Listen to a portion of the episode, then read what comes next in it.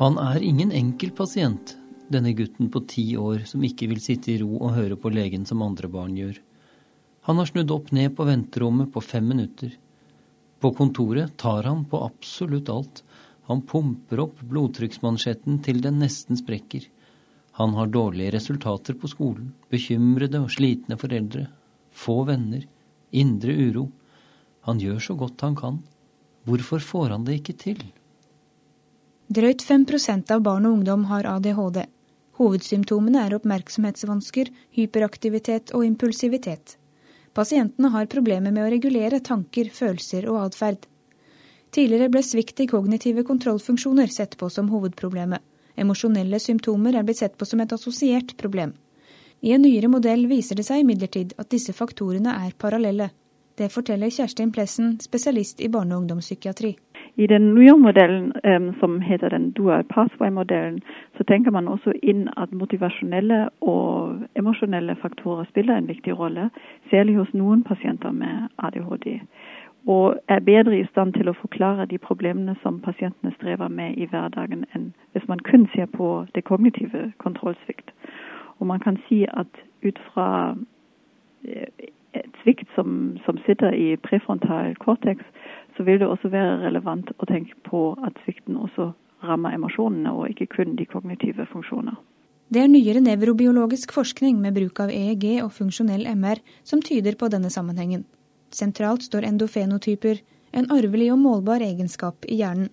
Endofenotyper er målbare egenskaper som ligger mellom genotyp og atferd, og man har i de siste år i tiltakende grad benyttet seg av slike objektive målinger som man kan gjennomføre med f.eks.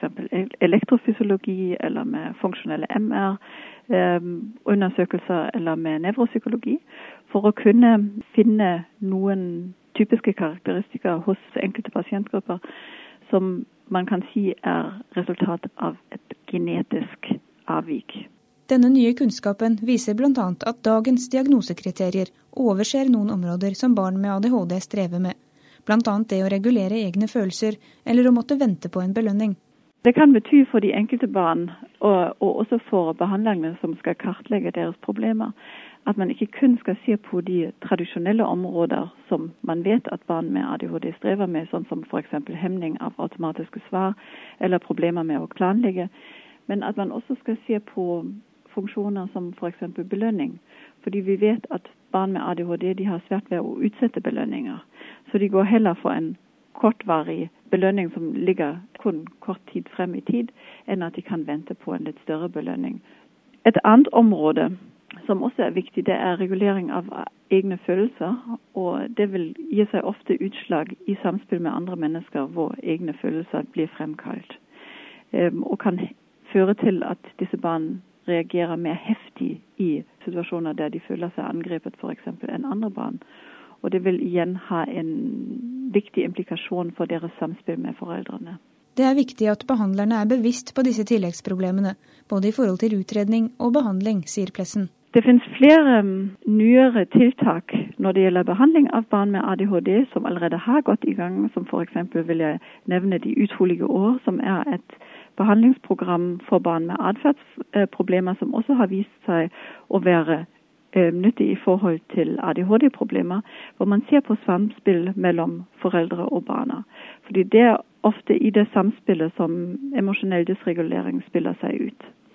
Og vi tror at det er viktig å utvikle og bruke enda mer spesifiserte behandlingsprogrammer som nettopp um, hos barn med ADHD ser på samspillsproblemer med foreldre. Fordi det er foreldrene de er mest sammen med. Og det er klart at for foreldrene er det en stor utfordring å håndtere disse emosjonelle problemer som barna strever med.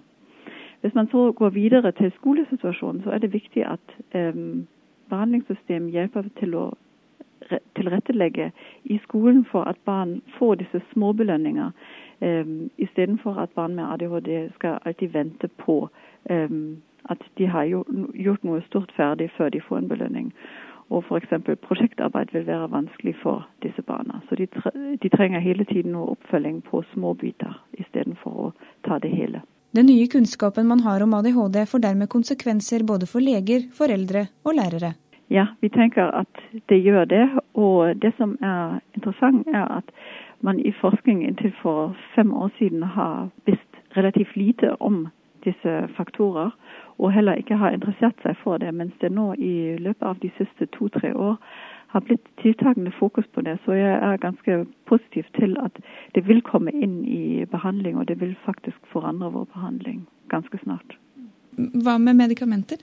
Medikamenter i forhold til emosjonell regulering hos barn med ADHD er ikke undersøkt i stor grad, kan man si. Men vi vet at medikamentene hjelper barna til å kunne strukturere sin hverdag bedre og ha bedre oversikt. På den måten så vil de også indirekte bidra til at de er i bedre stand til å regulere sine egne følelser.